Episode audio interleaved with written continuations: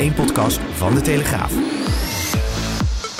Erik van Haren en Christian Albers praten hierbij over het belangrijkste Formule 1-nieuws. Ja, alvast een kleine waarschuwing vooraf, want Christian Albers is niet met zijn uh, beste been naar bed gestapt uh, deze ochtend. Toch Chris, of uh, gaat het inmiddels weer een beetje? Ik ben zo klaar met jou. Jij komt echt vijf minuten voor twaalf. Laat je me eerst gewoon 480.000 van die programma's downloaden, omdat jij geen goede kwaliteit hebt, omdat jij op vakantie bent en wij gewoon hier allemaal aan het werk zijn. Nou, ik dat wil is probleem. Ik ben niet, het is wel een soort vakantieresort waar ik zit, waar Red Bull overigens ook zit. Dus uh, waarvan acte. Alleen uh, er wordt hard gewerkt hier hoor. Dus uh, ik zie, maak je ik geen zorgen. in je zwembroek zitten. Ik zie je in zwembroek zitten. nou, onzin allemaal. Uh, la, je het zit over- in je zwembroek. Ga staan dan. Ik weet zeker dat je in je zwembroek zit. Is gewoon lange Ja, broek. zie je? Nee, nee, nee. Nu zit je weer de boel te tillen. Dus, maar ik heb ook nog wat voorbeelden over jou dit weekend toen ik je aan de lijn had. Want uh, zoals de echte vrienden betaamt hadden we elkaar natuurlijk een paar keer aan de lijn uh, tijdens Ja. het Formule 1 weekend. Maar ik hoorde weer allerlei opvoedkundige tips uh, richting je zoons. Maar goed, ik weet niet of dat uh, precies de juiste manier is om je kinderen op te voeden. Maar dat terzijde. Um, Goed, derde race van het seizoen gehad. Weer een geweldig, of in ieder geval een boeiend gevecht gezien, denk ik, tussen Red Bull en Mercedes. En met name Verstappen en Hamilton. Heb je er ook van genoten? Ja, ik vond het een, uh, een, een mooie race, moet ik eerlijk zeggen. Ik, um, het was weer een mooie strijd om te zien. Um, er is toch stiekem wel veel gebeurd. Niet zoveel als vorig jaar. Hè. Vorig jaar hadden we 48 inhaalacties. Ik denk dat het dit jaar misschien, hoeveel waren het? Hè? 10 of zo, of 12? Ik heb geen Ja. flauw idee. Um, ja, minder spectaculair. Um, maar ja, aan de andere kant, uh, uh, er, was ook, er waren ook niet van die, van die omstandigheden natuurlijk als vorig jaar met regen. Nee. Uh, maar ik vond het echt een, uh, een, toch wel ja, een interessante en ook wel best wel een coole race. Want ja, er was toch weer een gevecht tussen de twee, de twee natuurtalenten. Hè? Lewis Hamilton en Max Verstappen. Ja, Max was, ik, ik sprak Max zaterdag na de kwalificatie even in, het, uh, in de mix zone, zoals ze dat noemen, aan de rand van de paddock. Hij noemde het circuit, ja, niet het circuit zelf, maar het asfalt en het gripniveau eigenlijk uh, Formule 1 onwaardig. Hij, vond eigenlijk, hij zei, ik heb er geen rondje van genoten. Hij vond het, omdat er zo weinig grip is, hij zei natuurlijk wel, ja, dit is voor iedereen hetzelfde. Maar hij zelf vond het niet, niet fijn om het zacht uit te drukken. Kan je dat voorstellen? Kun je uitleggen hoe dat is als coureur als je zeg maar een beetje op ijs rijdt? Ja, hij, hij, heeft natuurlijk gelijk. Maar aan de andere kant is het voor ons weer spectaculair. Uh, voor jou, voor mij, voor alle Formule 1-fans is het een, een, mooie race om naar te kijken. Omdat als je gewoon low grip uh, circuit hebt, uh, dan spelen de hele, best wel veel factoren een grote rol. Waar je dus veel wisselingen krijgt van posities. En, Ja. en, dat is mooi. En dat willen de fans ook zien thuis. Die willen niet een optocht zien waar, we allemaal, waar ze allemaal achter elkaar aanrijden. En ja, wat doodsaai is, waardoor je dus eigenlijk gewoon rustig naar de keuken kan om wat chips te pakken en een cola zero. En als je terugkomt, heb je echt absoluut Nee. niks gemist. Um, dus ja, als ik het ga bekijken van een, een, een sportief, ja, van, van, qua sensatie, uh, was dit natuurlijk een mooie race. En dat hebben we vorig jaar ook gezien. Um, ik begrijp Max, dat hij zegt van ja, luister er is geen grip te voelen, het is moeilijk, het is, weet je, het, is, het is heel verraderlijk en dat is ook zo. Dat heeft te maken en het asfalt is gewoon niet agressief genoeg. Hè? Dus die, die gaatjes die zijn eigenlijk, ja, eigenlijk die hebben ronde kanten in plaats van een beetje eh, agressieve uh, randjes erin, waardoor die, waardoor die slik blijft ja, erin hapt als het ware. Dus dat, dat is, je moet zeg maar zien als een soort houten vloer met splinters. Hè, dat je dus meer grip hebt als het ware. Um, en dan heb je natuurlijk ook nog eens een keer de wind die verraderlijk is. Natuurlijk die normaliter natuurlijk alleen maar getest wordt in de windtunnel. Waar de wind alleen maar van voren komt. Ja. En nu komt de wind van links, rechts, eh, van achteren, van voren, van boven. Waardoor eh, elke bocht eh, een, complete andere approach kan zijn. met insturen en met snelheid. En, en, ja, en dat is verraderlijk. En dat is niet leuk voor een coureur. Want die kan niet elke ronde tot het limiet gaan. Nee. Want elke ronde en elke bocht is anders. Dus ik begrijp hem wel. Maar voor jou en voor mij is het spannender om zo'n race te zien. Ja, en het is een schitterend circuit. Hè, met al het, met dat, ja, het is een glooiend circuit. Je hebt veel blinde bochten. Het is uh, ook, een, uh, ook, ook leuk om rond te lopen. Ik heb vrijdag bij de training even een hele ronde langs het circuit gedaan eigenlijk. Dus toch wel, uh, ja, eigenlijk wel jammer aan de ene kant van het asfalt. Maar aan de andere kant hebben we toch wel weer een leuk weekend gehad. Um, En ik vond ook wel, wat mij wel uh, opviel, die, die top drie. Dus uh, Bottas, Hamilton, Verstappen was het op dat moment. Of Bottas, Verstappen, Hamilton even. Uh, die bleven op die mediumband heel dicht bij elkaar. Hè, de eerste, nou ja, zeker 20, 30 rondes. Um, terwijl Verstappen zei, het is wel moeilijk volgen. je voorganger volgen, zeg maar, op het circuit. Was jij verbaasd dat ze toch zo dicht bij elkaar bleven of, of niet? Nou ja, je hebt natuurlijk, ik, ik, ze zeggen altijd natuurlijk dat die auto's last krijgen. Met, daar kunnen zeg maar, ja, je moet ongeveer tien auto's ertussen houden. Ik denk dat ietsje minder is, maar je merkt gewoon dat je heel veel turbulentie hebt. Hè. Dus de auto's, die eigenlijk als die wind op die auto komt, dan, dan, dan blaast die wind uh, achteruit die auto alle kanten op. En dan noem je een beetje zo'n wervelwind als het ware. En daar heeft de volgende auto last van. Maar uh, waarom je gewoon een optocht kreeg, was eigenlijk vrij simpel. Is dat Bottas nog steeds niet de snelheid had zoals hij aan het einde van de race had. Ja. Dus uh, waardoor Max kon, uh, waardoor Lewis en Max gewoon erbij konden houden. En waardoor je dus zag dat die eerste drie redelijk met elkaar optrokken. Max pakte Hamilton gelijk bij de, bij de herstart en dat de safety car naar binnen ging. Ehm, ik zag jou voorbij komen op de Telegraaf uh, met een video. Uh, je nam daar mijn plek in trouwens als uh, ster van de show. Dus, ze willen nu ik, heb jouw looks, ik heb jouw looks niet, maar nee, ik, ik, heb het geprobeerd. Nee, wel, ja, je hebt wel de inhoud. Hè? De, kun je weer over twisten of ik die heb. Um, maar jij zei dat Hamilton daar een beetje zat te slapen? Ja. Nou ja, wat er, gebeurde, ja, wat er gebeurde was... Ehm, we, uh, we, kregen natuurlijk eerst het akkefietje natuurlijk met uh, Raikkonen, die achterop zijn teamgenoot reed. Um, wat natuurlijk niet ja, een perfect weekend voor hem was. Ik weet niet wat hij aan het doen was. Het kan, kunnen drie factoren zijn. Het kan één zijn dat hij naar zijn pitboard keek hè, om te kijken van waar zijn positie is. Uh, waar iedereen ligt. Twee, of hij was bezig op het stuur uh, zijn mapping te veranderen. Hè, of met, met, met wat, whatever ook bezig te zijn op bestuur. Daar zitten zoveel controls op dat je soms gewoon, uh, heb ik ook wel eens gehad vroeger met testen of met een race, dat je gewoon met twee wielen in het gras rijdt en twee wielen op het asfalt, en dat je je stuur aan het aanpassen bent. Ja, zoals als je op je telefoon zit te kijken in het verkeer, zeg maar. Juist, en dan rij je ook tegen iemand op, weet je wel. Dat is het, altijd het vervelende. Ja. Um, dus dat is punt nummer twee. Of nummer drie is dat hij gewoon de, de snelheid verkeerd ingeschat hebt. En dat hij voordat hij het wist dat hij er tegenaan uh, reed. Dat hij dacht misschien dat hij wat meer wind van voren zou krijgen uit de slipstream. Dat hij minder snel er voorbij ging. Uh, maar ik denk dat de eerste twee zijn. Want hij rijdt, je ziet er gewoon echt gewoon recht op het uh, linker achterwiel rijden. Dus dat was een beetje. Ja, uh, ja, dat is een raar moment, een dom moment. zeker voor Rijkonen, met alle respect. Het is toch ja, een, een, van de ja, coureurs die de meeste races achter ze kiezen hebben en de meeste ervaring. Maar daar, daar zie je dus ook weer hoe verraderlijk Formule 1 is en hoe snel Formule 1 is en hoe alert je moet zijn. Maar ja, dan krijg je natuurlijk een moment waar je uh, zoveel uh, uh, troep op de baan krijgt. Want dat carbon, dat, dat, dat, ja, dat, dat versplintert gewoon. Weet je wel. Overal komen kleine carbondeeltjes. En dat is gewoon voor de Formule 1, ondanks dat dat materiaal gebruikt wordt, is dat levensgevaarlijk. En um, dat, dat snijdt gewoon banden kapot. Dat, daar krijg je lekker banden van, daar kan je schade van hebben. Dus ik denk dat uh, Michael Masi dat goed heeft gedaan om gelijk het safety car in te brengen. En dat maakt het ook weer spannender voor ons, waardoor het hele veld weer bij elkaar komt en dat je een restart kan krijgen. Ja, en wat krijg je van een restart? En dat hebben we gezien uh, uh, ja, zondag, afgelopen zondag, dus gisteren. Is dat, um, dat Lewis Hamilton gewoon een zeven keer, zevenvoudig wereldkampioen gewoon aan het slapen was. Ja. Ik bedoel, um, Bottas deed eigenlijk een beetje de Verstappen-stijl. Die had geen zin dat Lewis in de slipstream kwam. Um, het grappige daarvan is ook nog om even nog terug te haken, is dat wij eigenlijk in Nederland helemaal niet die, dat, dat merken, een beetje die strijd tussen Lewis en Bottas. Want het zijn wel echte teammaten van elkaar.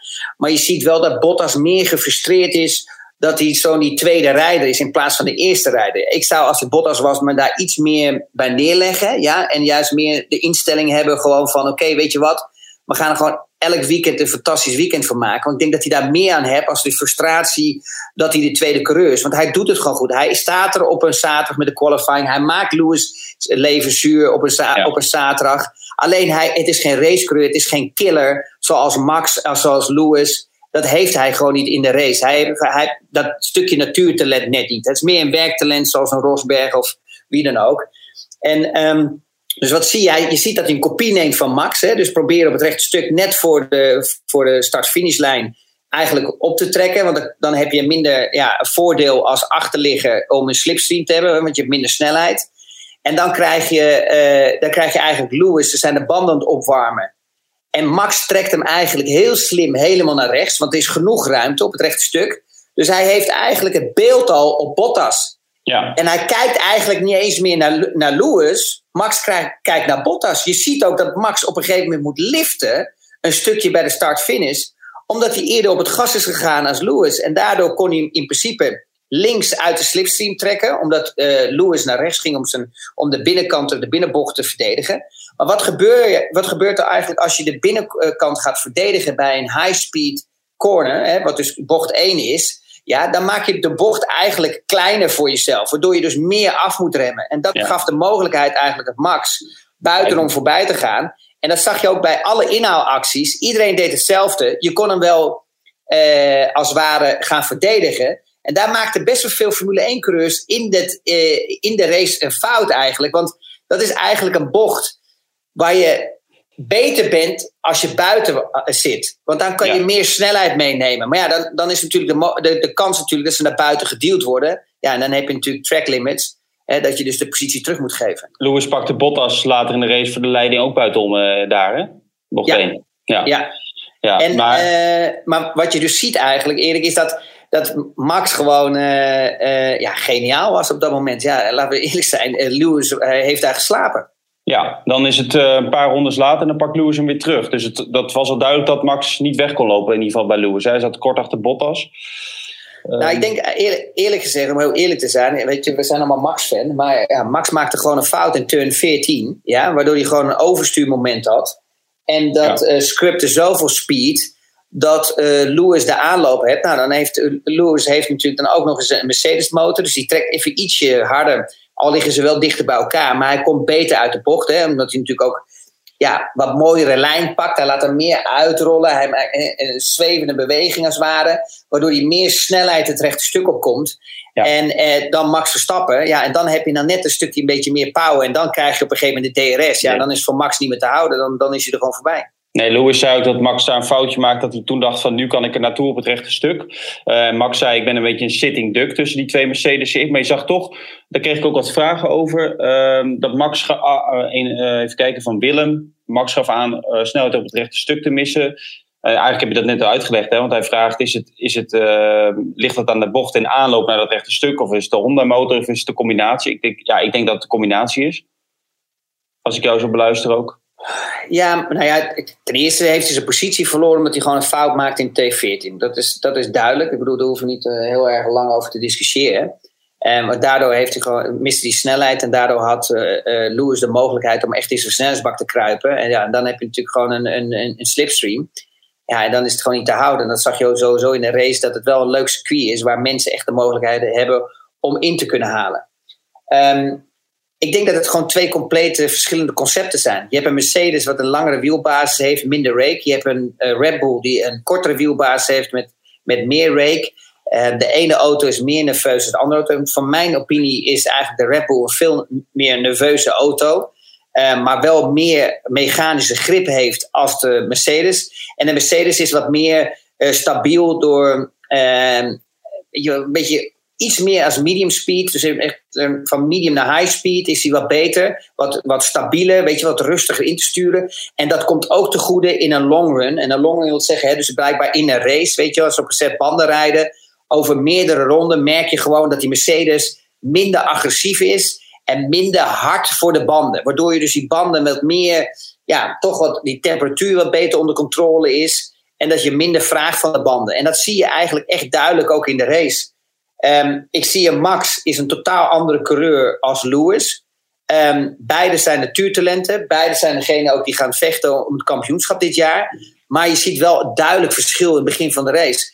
En daar hebben we het ook met z'n tweeën over gehad. Je ziet een Max, die zie je veel meer aanvallend gaan. Hè? Dus die denkt, oké, luister eens.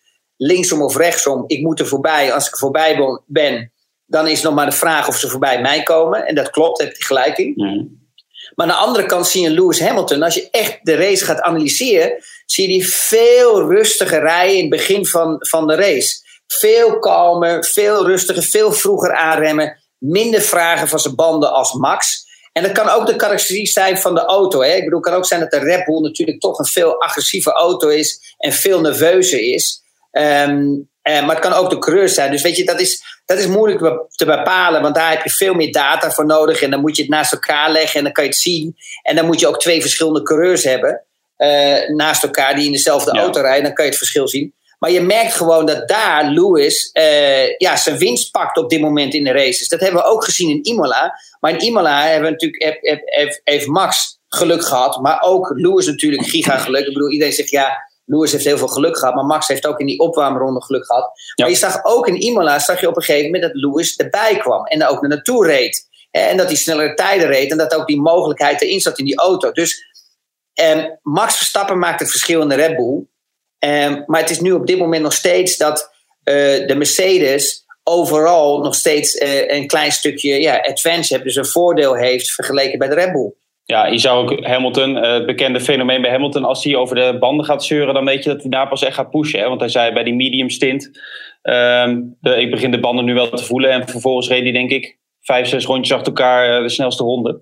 Uh, ik zeg het een beetje gechargeerd, maar toen was hij echt aan het pushen. Want toen liep het, de voorsprong op Bottas ook wel uh, uh, flink op nadat hij die had ingehaald. Bottas hield Verstappen goed op. Want Max zat eigenlijk, ja, ik denk 25 rondjes achter uh, de versnellingsbak van Bottas. En ook vaak binnen DRS-afstand. Maar hij kwam er gewoon niet voorbij. Hè? Dat, ik had toch wel verwacht dat hij hem daar al had kunnen pakken. Hij deed het natuurlijk later op die harde band. Maar... Um, of da, daar zie je het verschil. Maar daar zie je het verschil, Erik. Daar zie je het verschil tussen Lewis Hamilton en een Bottas. je ziet dat de ene agressief, agressief, probeert weg te rijden. Dus die vraagt veel meer van zijn banden. Ja, dus die krijgt een, een, een, een opwarm, opwarming van zijn banden dat eigenlijk hè, over, oververhit wordt. Ja, je ziet een Lewis die veel rustiger begint aan te zetten. Veel voorzichtiger is. Uh, als het ware eigenlijk een beetje zijn banden masseert. Ja, en, en, en, en daar zie je dan op een gegeven moment het verschil dat, dat Bottas niet weg kan komen. Nee. En, dat, en dan zie je de tweede stint, zie je dat Bottas dat hij zich daar wel aanpast. En dat die harde compound dus blijkbaar minder last heeft van die opwarmprocedure. Waardoor je dus op die harde band dus eigenlijk harder kan pushen. En dat het minder pijn doet voor die band. Hè? Minder, minder ja. hoe, hoe, zeg je dat? Uh, uh, minder schadelijk is. Ja, Verstappen pakte Bottas uh, denk ik op vrije wijze bij die, bij die hairpin. Um, maar daarna zag je toch wel weer dat Bottas op die harde band inderdaad wel in de buurt kwam. En die kwam toch op een gegeven moment terug tot nou, 1,1, 1,2 seconden achterstand. En toen had hij in één keer dat sensorprobleem. Dat hij in één keer 3,5 seconden verloor in één rondje. Was het eigenlijk voorbij. Hè? Want ik, ik ben toch wel benieuwd wat er was gebeurd als dat niet uh, het geval was geweest. Ja, dit is het mooie juist van dit soort circuits. Hè. Het, hetzelfde karakter circuit is ook in Zandvoort als je bij dit circuit als eerste wisselt, een soort undercut hebt, dan maak je zoveel tijd goed in die laatste twee sectoren, dat je eigenlijk niet kan winnen als je niet als eerste naar binnen gaat. En daar vergissen ze een beetje in, ook, ook, ook met Formule 1. De reden waarom Mercedes zo lang mogelijk buiten bleef, is natuurlijk zo, zo lang mogelijk te extenden de, de, de volgende set banden. Ja. En want anders moet je zo lang, zoals Carlos Sainz, zo lang op het einde met een set banden rijden, dat eigenlijk te veel is en dan vraag je te veel. En dan verlies je tijd en dan word je in, op het einde word je ingehaald. Kijk maar eens als een voorbeeld als Alonso, die je heel laat gewisseld hebt en op een gegeven moment ging hij als een scheermes door het veld heen. Ja, bedoel, nog, nog, e- ja, maar het had nog even moeten duren en hij had Ocon had hij ook gepakt. Nou, en wat je dan ziet eigenlijk is waar is dat ten eerste Max verdient al, wint al veel meer tijd met het inkomen van de pitstraat. Hè, agressief remmen, op het laatste moment wel risico, veel meer risico nemen als de andere twee coureurs, maar hij heeft ook niks te verliezen. Ja. Uh, dan zie je een pitstop die nog eens een keer een seconde sneller is dan een Mercedes. Ja. Dan zie je een uitronde die hij rijdt, waar hij hem gewoon erin knalt als het ware. Want dat is een echte natuurtalent. Hè? Dus het agressieve approach van bam, hier komen we, nu moeten we de tijd goed maken. Ja, en dan zie je, nou kom je, nou zie je het verschil tussen de mentaliteit, en dat is de killer mentaliteit van Max en natuurlijk van, van, van, van, van Lewis. En dan krijg je natuurlijk gewoon een normale Bottas. Ja, die komt binnenrijden. Die verliest al alleen al 1,1 seconde, geloof ik, alleen maar voordat hij de pits in komt rijden. Dan verliest hij nog een keer seconde met de pitstop. Gewoon met de, met de, met de crew. En dan de uitronde ook nog eens. En dan komt Max eigenlijk sluit aan. Ja, en dan heeft Max natuurlijk al gewoon een warme set banden. Omdat een circuit natuurlijk, ja, dit heeft tijd nodig. Je hebt een ronde of twee nodig. Anderhalve ronde, twee ronden. Om die temperatuur te krijgen. Ja, en dan zet Max aan. En dat is de killer mentaliteit. Dat komt er gewoon voorbij.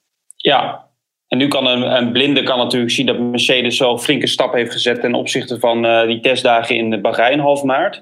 Maar toch, uh, als je een beetje Verstappen en Red Bull beluistert, maakt, ja, zeggen ze in ieder geval, we maken ons nog geen zorgen wat dat betreft. Want komend weekend Barcelona, dat is een even tussen haakjes normale circuit.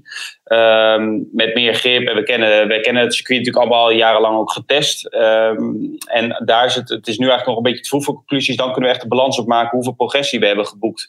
Snap jij die opmerking? Um, ja, dat klopt, omdat natuurlijk uh, uh, uh, Portugal is een circuit, low grip, wind verandert elke keer van positie omdat het natuurlijk eh, met, uh, met hoogteniveau uh, werkt. Dus je, je kan, het circuit ligt niet eigenlijk windvrij. En dat ligt Barcelona wel. Hè. Het komt altijd van één kant. Um, en Barcelona is een veel agressieve asfalt. Dus waardoor je dus veel meer temperatuur... waar je ook echt, dat je daar echt kan fine-tunen. En dat kan je in principe niet...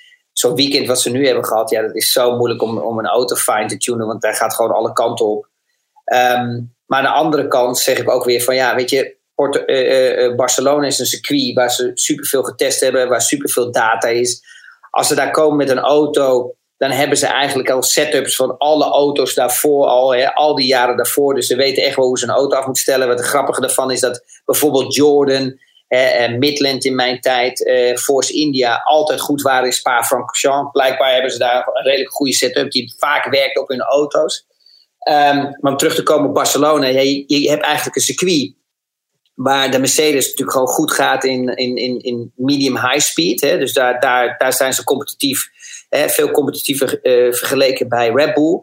Maar je hebt natuurlijk ook best wel wat hairpins en het aanremmen. Ja? En het technisch gedeelte, bijvoorbeeld de laatste sector. Ja, daar gaat uh, Max gewoon weer een stuk sneller zijn, van mijn opinie. Omdat, ze daar, omdat gewoon de Red Bull nou eenmaal een betere auto is op, op de, aan de mechanische kant. Hè? Dus het accelereren, ja. het aanremmen. Um, daar zijn ze heel sterk. Dus daar moet je ook gaan kijken in, in welke sectors heb je dus. Hè, die hairpins en het aanremmen, het accelereren. Dan zie je gewoon dat uh, Max daar heel sterk is. Want het grappige van alles is. En we, we klagen altijd alleen maar over die topspeed. Maar sector 1 bijvoorbeeld in, um, uh, in Portugal. Ja, daar krijg je toch een stuk van het rechte stuk. Ja. ja. je krijgt nog die eerste rechte snelle bocht. Ja, en dan krijg je een paar. Uh, ja, de hairpin en de, ja. over de acceleratie, tractie. Ja. En je ziet dat eigenlijk uh, Max in de hele race daar ja, sneller is als die twee, als die twee Mercedes'en.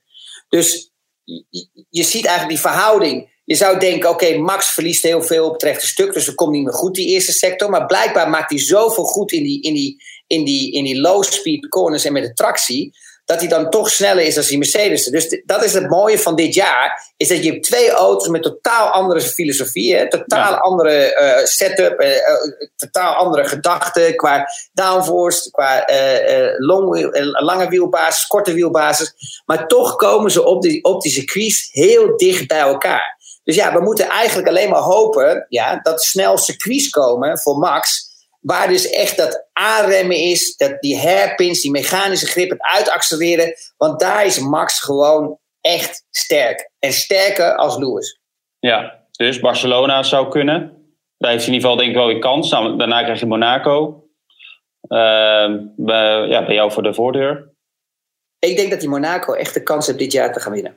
Ja, dat zou, de, ja, dat zou denk ik wel. Ik denk dat veel mensen daar toch naar uitkijken. Want het zijn. Uh, Um, ja, zijn, zijn, zijn status daar of zijn, zijn uh, geschiedenis daar is natuurlijk nog niet al te succesvol geweest.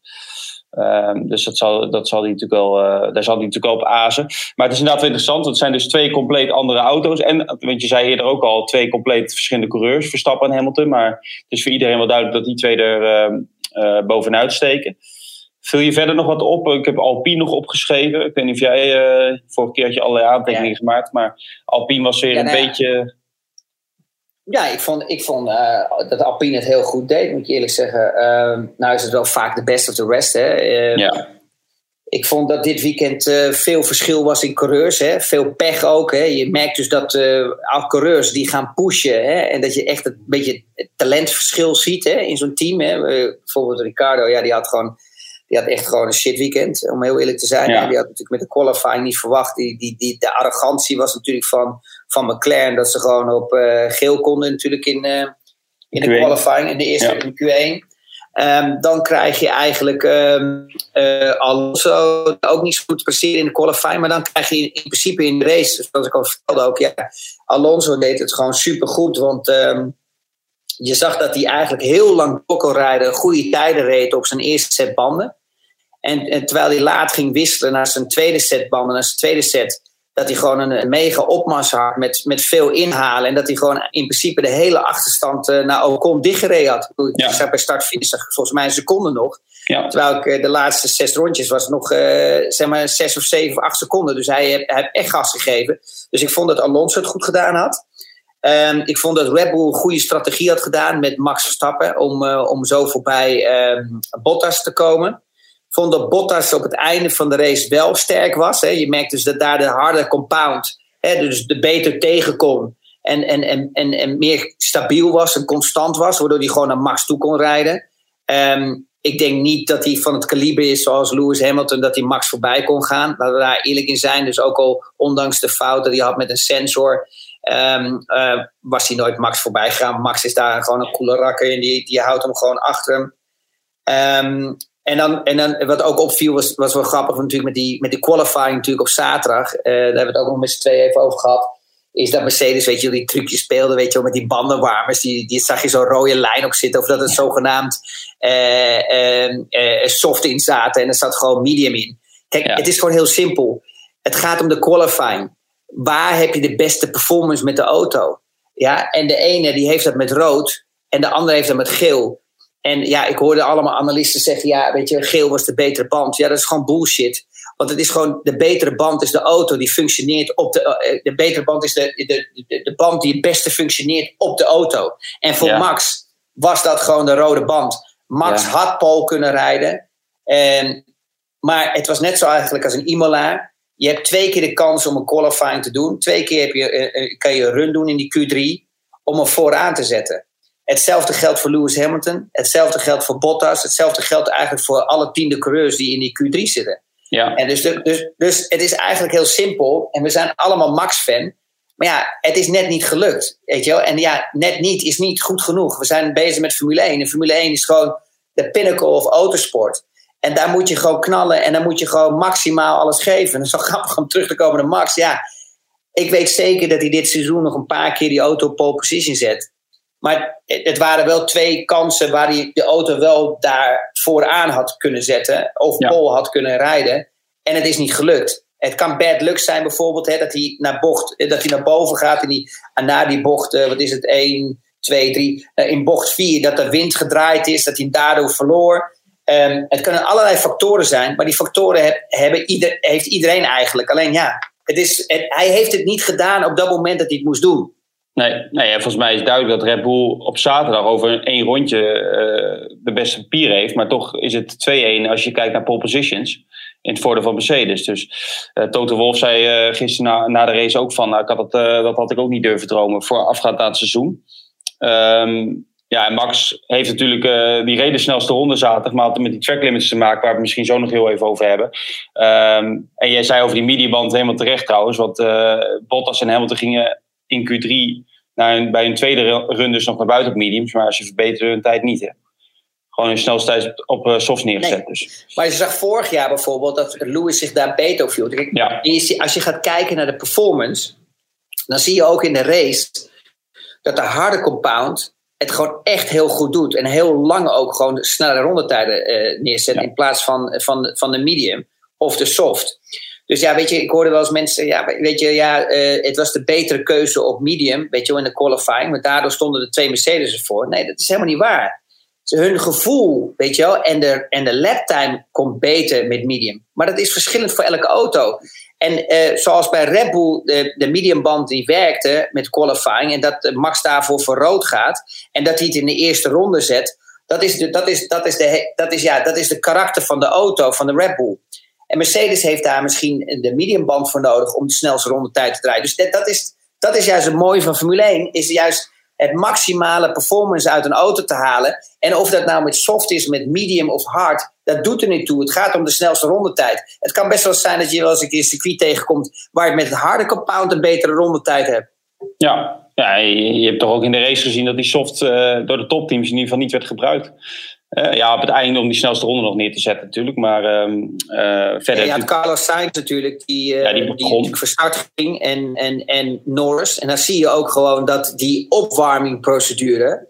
Ehm, veel sneller, dus die temperatuur ja. in die banden komt veel sneller omhoog. En dan zie je dat ze echt het gevecht aan kunnen gaan in, in, in de beginfase van de race. En dat vind ik wel leuk dat, ze dat, ja, dat ze dat gedaan hebben. Omdat gewoon ja, aan het eind van het verhaal wil je ook die strijd hebben. En je hebt als zo'n team, het is altijd best of rest. Maar die, die, teams, ja, weet je, dat, dat McLaren, die Norris en, en, en, en Sainz en zo, die hebben niks te verliezen, weet je, McLaren en Ferrari. Zet er gewoon eentje op, uh, op soft. En zet de andere op medium en kijken wat er gebeurt en, en pas je strategie aan. Zij, zij passen veel meer een strategie aan door de race, als dat ze echt iets vastzetten. Zoals, zoals bij bijvoorbeeld bij Mercedes of als, uh, bij Red Bull.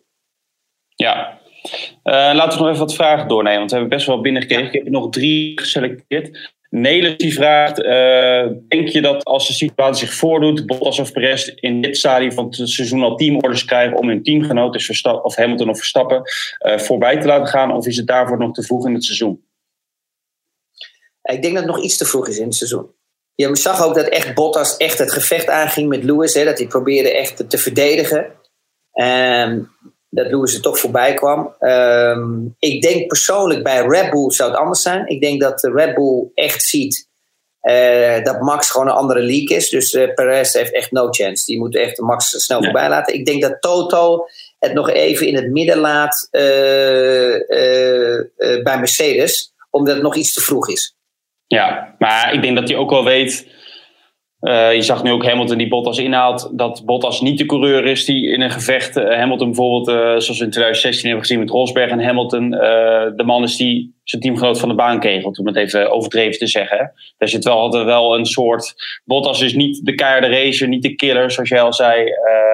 die, die een verstappen is bijvoorbeeld. Nee, klopt. Maar ik denk, ik denk dat Red Bull al vanaf ja, race 2 het gevoel heb van oké, okay, als Perez ervoor ligt, moet hij gelijk zijn positie teruggeven. Ze willen alle ja. maximale punten uh, halen in een weekend wat mogelijk is. En, uh, en dat geldt nog niet helemaal voor Mercedes, maar ik denk dat het nu ook wel gaat komen. Ik denk dat Toto nu ook al gezien heeft dat, dat, ja, dat Lewis echt de man is waar ze moeten op inzetten. En dat ze zo, zoveel mogelijk punten moeten sprokkelen door het seizoen. Ik denk dat dat echt ja. belangrijk is voor het kampioenschap. Want je ziet gewoon dat het dicht bij elkaar zit. Hamilton had ook even niet door dat Perez nog voor hem reed. Hè? Uh, op een gegeven moment, Perez die reed ik heel lang door op die mediaband. Toen kwam die, uh, wilde hij hem voorbij en toen riep hij over de radio dat, uh, dat ze de blauwe vlaggen moesten, naar buiten moesten gooien. Maar hij dacht dat Perez een achterblijven was. In plaats van dat hij gewoon op P1 reed. Maar, ja, of, was, ja. of, is dat een spelletje nee. of is het gewoon even blackoutje? Nee, nee, dat is, dat is gewoon even. Ja, die, die, die, die, je bent Denk zo in, in, in een concentratie dat je aan het rijden bent. En hij, hij weet niet beter als dat hij gewoon voorop ligt. Ja. Dus jij, hij, je verliest toch zo'n kleine 30 seconden of 28 seconden door zo'n pitstop. Ja, en dat was een, ja, net de tijd als het ware dat, dat, dat Perez voorop kon rijden. En ik had eigenlijk eerlijk wel gedacht dat Perez zich zo een beetje breed zou maken. Ja. Het gevecht aan zou gaan om Max godverdomme eens een keer een beetje dichterbij te kunnen laten kruipen. Maar die, ja. die, die, die, was ook echt, uh, ik weet niet wat verstand die was, maar ook op een automatische piloot. Ik bedoel, hij had hem beter gewoon rechts aan de kant, gewoon aan de kant kunnen zetten en, en, en, en Lewis voorbij kunnen gaan. Maar dat ging echt helemaal nergens Nee, over. maar dat was natuurlijk maar, de enige reden waarom hij zo lang buiten bleef. Om, om nog ja. een van dienst te zijn. Maar dat was niet echt uh, het geval. Nou, die, die heeft het niet echt helemaal begrepen of zo, hoe het werkte. Dat is één ding wat zeker is. Dus dat, daar moet je eerlijk zeggen, daar, verstond, daar was ik echt verbaasd over. Uh, en zeker, kijk, als het nou met een blauwe vlag situatie is, hè, stel nou dat hij een ronde gelapt wordt, dan zou ik zeggen, oké, okay, dan moet je oppassen, want dan kan je hè, straf krijgen of penalty ja. of wat dan ook. Maar hij vocht daar voor positie. En er was gewoon totaal geen gevecht. Nou had hij ook wel een beetje bad luck dat hij op het rechte stuk kwam. Hè, waar Lewis natuurlijk dan een stukje harder liep en beter uit de bocht kwam. Maar dan nog Erik, joh, luister die had gewoon moeten vechten. Gewoon echt met gewoon een potlood, dat weet ik wat, tussen zijn tanden. En gewoon, en, gewoon, en gewoon Lewis tegen moeten houden, zoveel als mogelijk. Weet je, net zoals vroeger, weet je wel. In de 90 jaar of begin 2000 met Michael Schumacher. Gewoon hap, poef. Maar weet je, dat is het maffe van deze tijd tegenwoordig. Is met die FIA, weet je, die regels die zijn zo onconstant. En linksom, rechtsom met track limits, waar we het ook over gehad hebben. Dat ik zelfs jou moet gaan vragen ook en alles. En, en, en jijzelf ook, jij moet overal gaan checken wat nou ja. oké okay is en wat niet oké okay is. Weet je, ze, ze moeten gewoon, de, als je dat soort high-speed corners hebt, dan moet je gewoon bij die bochten, moet je zeg maar broodjes maken. Dat is zo'n bubbel als het ware. Dat als ze erop komen, dat ze gewoon onbestuurbaar zijn. En dan krijg je weer de situatie, ja dat is gevaarlijk, want dan klappen ze op en alles dingen. Maar nu is het helemaal niet meer, dit is toch niet meer voor de fans. Eh, die weten toch niet meer, waarom wordt Max de tijd weggehaald? Omdat daar, en Creur neemt altijd het maximale van het circuit. Want hij wil die auto laten vloeien naar buiten. Zoveel mogelijk snelheid meenemen. En dan moet je iets verzinnen. Dan moet je of dat nepgras plaatsen. Nou wordt dat vaak stuk gereden. Maar dan moet je iets verzinnen. Dan moet je eh, iemand laten iets uitvinden. Waardoor je dus zoveel vertraagt dat ze daar niet kunnen komen. Dat is het enige dat het spannend en leuk kan zijn. Ja, je ziet inderdaad ook wel, je zag Mazepin bijvoorbeeld, die maakte het, uh, volgens mij was het toen Perez nog die leidde, uh, moeilijker met een blauwe vlag. Die kreeg ook vijf seconden straf voor als, uh, ja. als achterblijver dan Perez bij Hamilton deed. En over die track limits kreeg Rijn Adrichem gevraagd, of Adrichem, ik weet niet of ik het goed uitspreek, maar hou me te goede. wat zou er gebeuren als je alle track limits opheft? behalve bij als je inhaalt en daar voordeel uithaalt. Nou, het is veel makkelijker. Ja. Ik denk dat ze daar veel beter aan doen. Want op een gegeven moment, je hebt ook aan die track limits, heb je ook een limiet.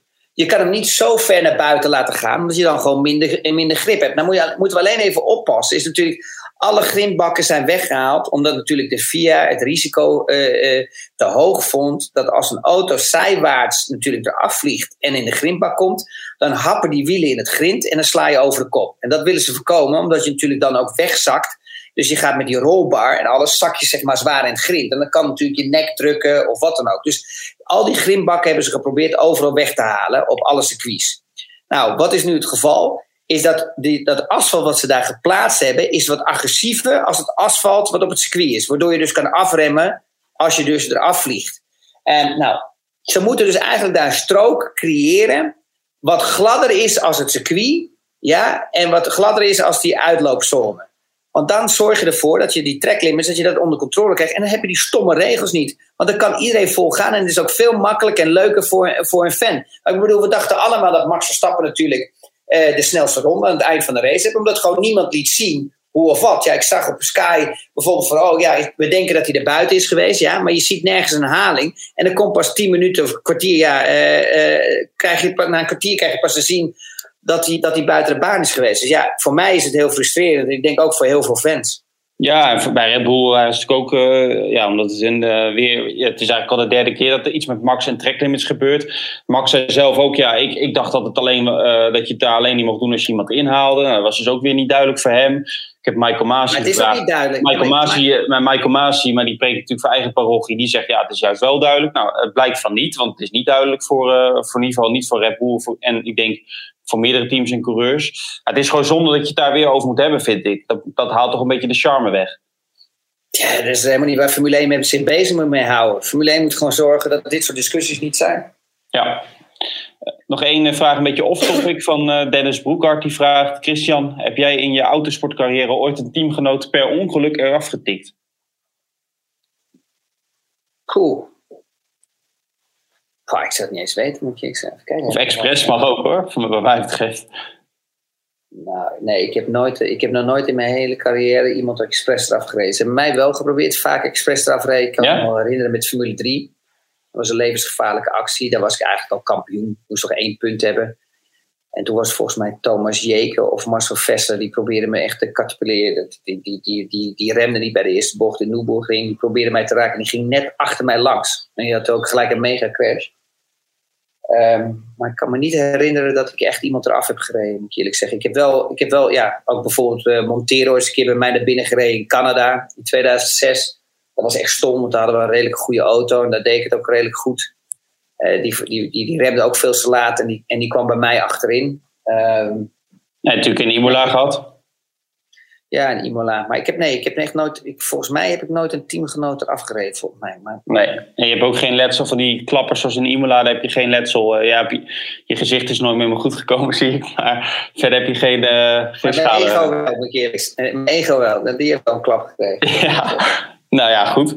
Um, nee, maar dit... er staan altijd, ik moet je heel eerlijk zeggen, er, staan altijd, er zijn altijd dingen bij natuurlijk wat, wat gewoon niet leuk is in een carrière. En dan kan je gewoon niet wegpoetsen. Dat is nou eenmaal zo. Weet je, Ehm, ehm, ik zat toevallig eh, eh, vorige week uh, zat ik met mijn zoon, want die had ik straf gegeven omdat ze gewoon zo verslaafd worden aan al die apparatuur. Dat is gewoon niet meer te doen. En al die spelletjes is niet normaal. Je, je kent je zoon bijna niet meer terug. Hoe, hoe helemaal, je ziet die ogen helemaal omdat ze gewoon zo verslaafd aan worden. Dus die heb ik gezegd dat hij een week er niet op mocht. Om ja, daar was ik bij. ja, althans telefonisch. Nee, dat was mijn tweede. Ik ben de, de, oudste die met elf. Dus die oudste van elf, die, uh, die moest ik even laten afkicken. Nou, dat werd gewoon, ik, ik kreeg geen één keer mijn zoon terug. Dat was echt heel gezellig. En Lieseloor, mijn vrouw, vond het ook weer gezellig. Dat die ook weer eens keer gewoon naar de huiskamer kwam. In plaats dat ze naar, naar een cave gaan en nooit meer terugkomen uit hun kamer. En uh, toen, ben ik, toen ben ik eigenlijk wat oude races gaan kijken van DTM. En dan is het wel leuk als je dan, weet je, het is, dan is het voor de eerste keer echt wel weer een keer genieten. Want ja, ik heb wel zo vaak verteld als je er eenmaal in die bubbel zit, en dat heeft Max nu ook, dan kan je niet genieten. Wij denken, oh, Max geniet en dat, dat kan je niet. Je geniet pas echt, zoals bijvoorbeeld Jos geniet nu van zijn zoon. Ja, want die staat daar buiten, weet je, daar buiten. En als Max straks stopt, dan gaat hij pas genieten. Ik geniet nu pas, toen ik met mijn zoon ging kijken naar al die DTM-races, denk ik, Jezus Chris, man. Eigenlijk heb je het wel fucking goed gedaan. Ja, sorry dat ik het over mezelf zeg, maar ik bedoel, ik was gewoon een rookie. En ik, en ik knalde gewoon Sean Lazy weg en Ben Schneider, wat de Schumacher van de, van, de, van de DTM was. Ja. En, en, en het was gewoon een fantastische mooie tijd. En als je dan die races ziet, dat gevecht, weet je wel, door en door en tegen elkaar aan uh, dat, was gewoon een, dat was gewoon een mooie tijd. En daar geniet je nu pas weer van. Um, en, en er waren ook minder regels, weet je wel. Ja, weet je, er was wel goed fatsoen. Ja, en er waren soms wat ja, sneaky trickies dat ze allemaal deden, weet je, of ergens bij iemand achterin reden. Maar het was, het was wat, ja, relaxed. Tegenwoordig is dat gewoon, je, gewoon, er komen te veel regels, ook in de Formule 1. En, en moeten ze ook wel, want de snelheid, ja, die gaat omhoog. Niet qua vermogen, maar wel qua hè, bochten, snelheid en soort dingen allemaal. Maar ze maken het te ingewikkeld voor hunzelf nu. Ze moeten gewoon even back to basic weer. Ja, zit je zoontje dan ook uh, geboeid te kijken of viel die in slaap? Nee, uh, die oudste wel. Die vindt het echt leuk om te zien. Ze hebben gelukkig niks met racen. Ik moet er niet aan denken om op zo'n kartbaan te gaan staan en uh, elke, elk weekend dat doen. Ze, ze hebben er niks mee. Dus ik denk dat die eerst iets in de reclame wil gaan doen. en die jongste, ja, die houdt het misschien, denk ik, nou, 22 seconden uit of zo. Dan is hij er echt wel klaar mee. Oké. Ja, ik hoorde jou, eh, we hadden elkaar aan de lijn zaterdag. Toen gaf je die jongste straf, maar die moest dan eerst twintig keer hoog houden met een voetbal eh, voordat hij weer op zijn scherm mocht. En toen, vijf minuten later, had hij het uh, gedaan op de gang, terwijl je niet had gezien. Dat is wel mooie trucjes in de familie Albert. Ja, weet je wat is, Erik? Um, het is zo moeilijk, weet je wel, want de jeugd. Als je gaat kijken naar mijn jeugd die ik heb gehad, en ik heb echt geen, ik heb echt geen slechte jeugd gehad, maar daar zat gewoon een compleet andere drive.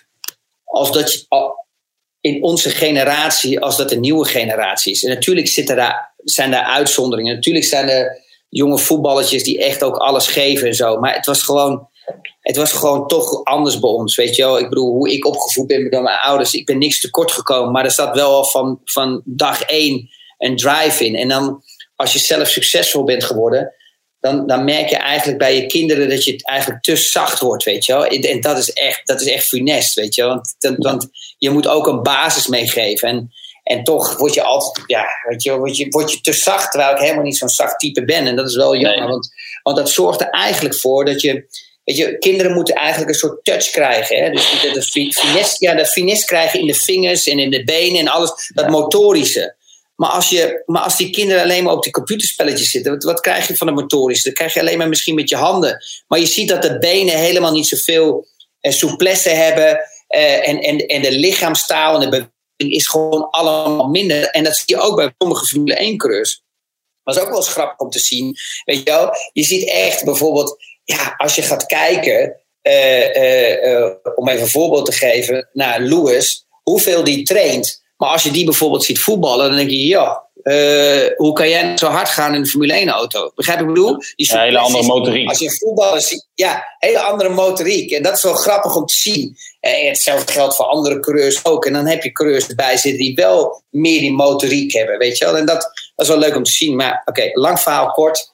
Eh, ik ben eigenlijk, volgens mij ben ik niet zo soms een beetje te lief voor de kinderen. Ja, nou ja, dat compenseer je dan weer dat gedag in de podcast. Ehm, nou, bij deze heeft u nog opvoedkundige tips nodig. Je kunt Christian Albers altijd een uh, mailtje sturen. Ehm, en over Formule 1 mag natuurlijk ook gewoon. Ik ben blij dat je humeur in een uurtijd uh, weer 180 is, graden is gedraaid. Dat, dat, was gedaan met je te bezeilen voor de opname van deze podcast. Jij, maakt me ook, jij komt ook vijf minuten voordat we gaan beginnen, kom je met ja, ik had net al beter. duizend programma's die ik moet downloaden. zo. Ja. ja, nou ja, ik, ik hoefde maar op één knopje te drukken, maar bij uh, in Monaco ging het allemaal iets, uh, iets lastiger. Um, Weet je wat wel leuk nog is om één ding te zeggen, Erik? Ja, en ik, denk dat jij, ik, denk, ik denk dat jij het ook met me eens bent en ik zou graag jouw, uh, jouw, jouw visie er ook op willen. Ik denk ook dat de mindset dit jaar van Max ook compleet anders is. Hè? Waar je dus vorig jaar zag van oké, okay, ik moet proberen, weet je wel hem mijn best te geven en hopelijk kan ik de aansluiting vinden. Is nu de mindset van oké, ik kan het gevecht aan. En dat maakt het ook voor hem leuker, denk ik. Ik denk dat de racecoureur ook een beetje verandert in de, in de ja, titel uh, pretendent. Want Max heeft zelf ook, uh, zei zelf donderdag ook. Max is altijd degene die ge gezegd heeft: Mijn aanpak zal nooit veranderen. Maar dit jaar zegt hij toch: ik probeer toch af en toe uh, misschien wat minder risico te nemen, want je kan je gewoon geen uitvalbeurt of uh, domme fout veroorloven. Dus je ziet al gewoon dat hij denkt van de, ook gisteren of zondag, uh, wanneer je luistert. een tweede plek op dit moment, de, er zijn nog twintig races, is gewoon, gewoon prima. Ik heb de schade beperkt gehouden en er komen vanzelf alweer circuits die mij weer beter liggen. Zoals jij net ook al zei. Ja. Dat merk je ja. gewoon heel erg. En, een, een titelstrijd wordt natuurlijk niet in de eerste drie, drie wedstrijden beslist. Je moet er gewoon bij blijven. En ik denk Lewis heeft de laatste jaren natuurlijk ook geen uh, echte uitdaging gehad dat hij echt tot, de, tot of over de limiet moest. Dus ik denk dat we dat, uh, dat, dat heel veel nog belooft voor de rest van het seizoen. En je ja, ziet toch ik dat vond wel dat hij altijd wakker geschud werd door Bottas. In ja, zeker op zaterdag. Ja. Ja, ja. Maar niet op zondag. Moest hij echt. Ja. ja. En dan had ik alleen nog twee, ding, twee dingen. En, en, daar waar ik ook Net was nog één ding en nu zijn het weer na dat één ding nog twee dingen. Twee, ja, twee Heel snel dan, hè? Eigenlijk, eigenlijk de twee teams die eigenlijk het slechts, echt eigenlijk gewoon echt een pak op een sodomieten hebben gehad dit weekend. En dat is voor mij uh, Aston Martin. Ja. En de ergste is denk ik nog wel Williams. Ja, Russell zat natuurlijk bijna in Q3 hè, op zaterdag. Maar ja. uh, op zondag zie je toch wel dat het snelheid is. Nee, in de Q1 bedoel je? Nee, Russell uh, werd 11. Oh, sorry, ja, sorry, ik draai ze altijd om. Sorry, je hebt ja. gelijk. Ja, ja. Ja, dus die zat, er, die zat er heel dichtbij, hè? dat klopt. Maar als je dan gaat kijken naar. Uh, nee, Russen stond op de, ja. op de startgrid? Ja, ja. Dus bijna Q3. Ja, ja, bijna Q3. Maar als je dan gaat kijken naar de performance, die zijn echt als, als een pudding in elkaar uh, gezet. Ja. Dat, dat, daar bleef helemaal niks meer van over. Dat, die hebben het slechtste gepresteerd in het weekend van alle Ja. teams. Die zijn, die zijn gewoon met z'n die zijn 16e en 18e gewonnen, geworden. Zo. En, eh, Michael, en Mick Schumacher, die vond ik ook dat hij heel goed presteerde. Die eindelijk eens een keer gewoon, volgens mij, het naar zijn zin heeft gehad. Die het gevecht aankomt met Ja. eh, Latifi. Eh, wat een leuk gevecht was, by the way, om heel eerlijk te zijn. Ik, vond dat hij ik vind dat hij wel groeit. Hè? En het is natuurlijk zo moeilijk om te zien wat voor talent die jongen heeft. Omdat gewoon die auto, ja, weet je, auto, het is, die haas. dat zijn van die auto's in mijn tijd met Minardi. Al ging, weet je al deed je, ja, weet je van please God. staat een kruisje. Ja, ja. Ja, je slaat een kruisje en ik ga eh, in vijfde versnelling door een eh, rechte snelle bocht. Die normaal in vier is. Dus je gaat 20 kilometer harder. Dat is dan of je komt in het ziekenhuis of je hebt een geniale ronde. Dan nog zie je niet, weet je wel, eh, als je die geniale ronde hebt, zie je nog steeds geen verschil. Omdat die teams te ver uit elkaar zitten. Weet je, dat is steeds balen. Dan heb je helemaal je zo'n fantastische ronde. Dat het team zegt: Ja, Chris is niet normaal. Je bent sneller als de, de, de theoretische ronde. Ja, maar op de, op de, ja, als, de, als de tijden uitkomen, zie je er natuurlijk helemaal niks van. Al die Formule 1 teams die denken, ja, oké, wat is er zo speciaal? Want die kunnen het niet eens zien. En dat heeft natuurlijk nu een beetje Mick Schumacher. Maar ik vond wel dat hij echt goed gereden had. En dat hij constant was. Je ziet dat er minder gespind was. Dat, dat ook die auto's, weet je wel, omdat er natuurlijk minder grip was. Dat ze een beetje de mogelijkheid hadden om een beetje die aansluiting eh, te pakken. Ja. Ja, en, en, en als je dan gaat kijken naar Stroll en naar ik dat, dat hij het goed deed vergeleken bij Vettel weer. Ik vond dat Stroll toch wel constant is. Ik weet dat iedereen eh, geen eh, een beetje mensen antipathie tegen hem hebben, omdat hij toch een rijke luiszoontje is. Maar ja. ehm, misschien is hij toch wat leuk als zijn vader, dat weet ik niet. Nou, mag wel. maar ik vond die twee teams, uh, die waren echt teleurstellend uh, ja. dit weekend. Ja, Vettel, Vettel stond ook wel in Q3 voor de eerste sinds uh, 16 races. Alleen volgens mij wist hij zelf ook niet hoe hij dat had geflikt. Dat was ook een beetje, je ziet in de race toch weer dat hij terugzak ja, naar... Hij was heel, hij was heel, snel, hij was heel slim, Erik. Want wat gebeurde er? Vettel wachtte niet op T14, dat iemand voor hem kwam. Vettel ging na T14, heel, in T14, als het ware de laatste bocht want de ene laatste, de, eh, eigenlijk de laatste bocht is eigenlijk vol gas. Dus voor mij is het geen recht. Dus de ene laatste bocht zorgde hij eigenlijk dat hij gelijk aan de binnenkant bleef. En dan wachtte hij dus op iemand die dus uit T14 kwam, hè, die dus in zijn, in zijn snelle ronde zat. En dan dook hij er gelijk achter, waardoor hij zo'n uh, significante hoge topspeed had, waardoor hij de eerste sector eigenlijk uh, ja, uh, buiten zijn proportie, dus buiten zijn kwaliteiten presenteren, eh, presteren, omdat hij gewoon uh, uh, die eerste sector heel snel was. Dus hij pakte elke keer heel slim die slipstream. Ja, dan kan je toch zien dat hij een wereldkampioen is geweest. Weet je wel? Hij, hij, niet lopen slapen. En dat, deed, dat was het verschil tussen hem en andere coureurs. En vandaar dat hij ook gewoon in die Q3 kwam. Duidelijk. We gaan er toch weer uit met het woord significant. Ik, had er, uh, moest er toch bijna een uur op, uh, op, uh, op wachten. Ja. Um, bedankt voor het luisteren allemaal. We zijn blij ook met de positieve reacties en de vele vragen. Laat vooral een reactie of een beoordeling achter in de podcast-apps. Dan worden we ook weer beter gevonden volgens mij. Chris, dankjewel voor je tijd weer. En wij spelen elkaar over een weekje alweer naar de Grand Prix van Spanje.